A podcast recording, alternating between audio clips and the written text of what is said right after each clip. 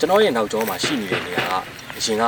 ကင်းနီပြည်နယ်မှာပြစ်မဲ့တဲ့ကလေးစာတင်ကြားခဲ့တဲ့အကြောင်းတစ်ကြောင်းဖြစ်ခဲ့ပါတယ်။ဒါပေမဲ့ဖေဖော်ဝါရီလ9ရက်နေ့မှာအာဏာသိမ်းစစ်တပ်ကဒီနေရာကိုဒီကြောင်းကနေပုံကျဲတိုက်ခိုက်ခဲ့ပါတယ်။သူတို့ရဲ့ပုံကျဲတိုက်ခိုက်မှုကြောင့်ပြစ်မဲ့တဲ့ကလေးငယ်တွေ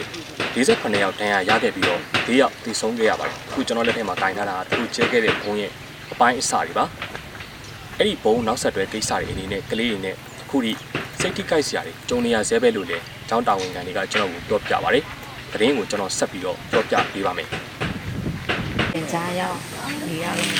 တောင်းလုံးကိုကြားပြီးခဲ့တဲ့ဖေဖော်ဝါရီလ9ရက်နေ့မနက်ပိုင်းမှာကင်းနီပြည်နယ်ဒီမော့ဆိုမြို့နယ်နောက်ဖက်ချံက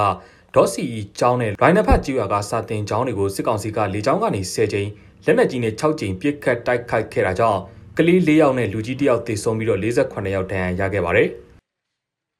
ဘုံကျဲတိုက်ခိုက်မှုကိုကြုံတွေ့ခဲ့ရတဲ့ចောင်းသားចောင်းသူတွေအနေနဲ့အခုချိန်ထိစိတ်ထိကြိုက်စရာတွေကိုကြုံတွေ့နေရတယ်လို့ចောင်းတာဝန်ရှိသူတွေက DPP ကိုပြောပါတယ်။အဲဒီစာတင်ကျောင်းမှာចောင်းသားចောင်းသူ200ကျော်ရှိနေပြီးအခုတော့အချိန်တိုင်းတာတစ်ခုအထိပိတ်ထားရတော့မှာပါ။ကျောင်းသားကျောင်းသူတွေအတွက်စာရေးကိရိယာတွေအပြင်လိုအပ်ချက်တွေအများပြားရှိနေတယ်လို့လည်းကျောင်းတာဝန်ခံဆရာမကပြောပြပါဗျ။ ကလေးတွေစိတ်တန်ညာရတယ်ဆိုတော့ဘယ်လိုတွေးရတယ်ဆိုတော့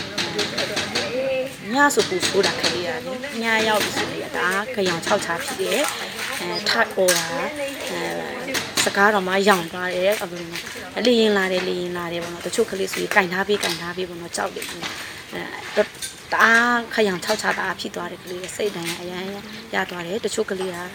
ပြုံးတာကြီးရတော့မှမရှိဘူးပေါ့နော်အဲ့လိုမျိုးစကားလည်းမပြောချင်တာလေအဲ့လိုမျိုးရှိတာပေါ့နော်ကျမတို့ကလေးကအဲ့လိုတွေးရပါတယ် အာနာသိန်းစစ်တပ်ရဲ့လေကြောင်းတိုက်ခိုက်မှုမတိုင်ခင်နဲ့တိုက်ခိုက်မှုပြီးချိန်မှာဘလို့တွေကြုံတွေ့ဖြစ်ပျက်ခဲ့ရတယ်လဲဆိုတာကိုလည်းဒေသခံတယောက်က DPP ကိုပြောပြထားပါတယ်အဲ့ဒါလေရင်ကတောင်းဟိုးဖက်နဲ့လာတော့ကြားတယ်နဲ့လာနေကြတာပဲလို့မဖြစ်တော့တယ်လို့ဒီမှာရတယ်လို့မရှိဘူးအဲ့လိုကဟိုဒိုးစီခက်ကနေအရင်ပြစ်တာအရင်ပြစ်လဲကြတော့အိုးပြစ်တယ်လို့ပြောမှဟိုဘာလဲဘုံခုသွေးတက်မှာပုံနေလိုက်တာ အကောင်ကောင်းသွားတယ်ပေါ့နော်ပြီးတော့ကလေးမကျူသွားတယ်ဆိုပြီးထပ်ပြီးတော့တိတ်နေချင်းကလေးမကျူကြောင်းမတက်ခုံမလို့ဒေါင်းထပ်ဖြစ်ပြောင်းဝင်လာတယ်ပြီးတော့ကလေးကလည်းတူတူပြေးချင်တဲ့ဒီမကျူမှာရှိရောပြေးစိမ့်လာလဲကြတော့ဒီကဘာတွေကနေဘုံတွင်းနေကလေးကိုပြန်ခေါ်မှတွင်းနဲ့ပြောင်းဝင်လိုက်တယ်စစ်ကောင်စီဘက်ကတော့သူတို့လှုပ်ဆောင်တာမဟုတ်ဘူးလို့ညင်းဆိုထားပါတယ်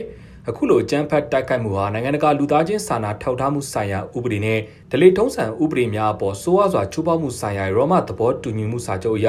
စစ်ရာဇဝတ်မှုမြောက်တဲ့လုပ်ရဖြစ်တယ်လို့ KNB ကြားကာလအုပ်ချုပ်ရေးကောင်စီကထုတ်ပြန်ထားပြီးစစ်ကောင်စီကိုရေးယူဖို့နိုင်ငံတကာအဖွဲ့အစည်းတွေကိုတောင်းဆိုထားပါတယ်။ KNB ဒေသမှာအာဏာသိမ်းစစ်တပ်ကစီးရေးပြစ်မှတ်မဟုတ်တဲ့စာတင်ကျောင်းတွေကိုဘုံကျဲတိုက်ခိုက်တာ၈ကြိမ်ရှိပြီလို့သိရပါတယ်။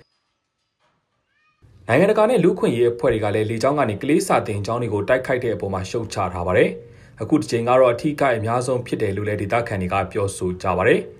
။ကီနီဒေသမှာအာဏာသိမ်းစစ်တပ်နဲ့တော်လိုင်းတပ်ဖွဲ့တွေကြားတိုက်ပွဲတွေဆက်ဖြစ်နေပြီးဒေသခံနှစ်သိန်းဒီပါနေရဆွန်ပြီးစစ်ရှောင်နေရပါတယ်။ကျွန်တော်သိရပါကီနီဒေသကနေသတင်းပေးပို့ထားပါတယ်ခင်ဗျာ။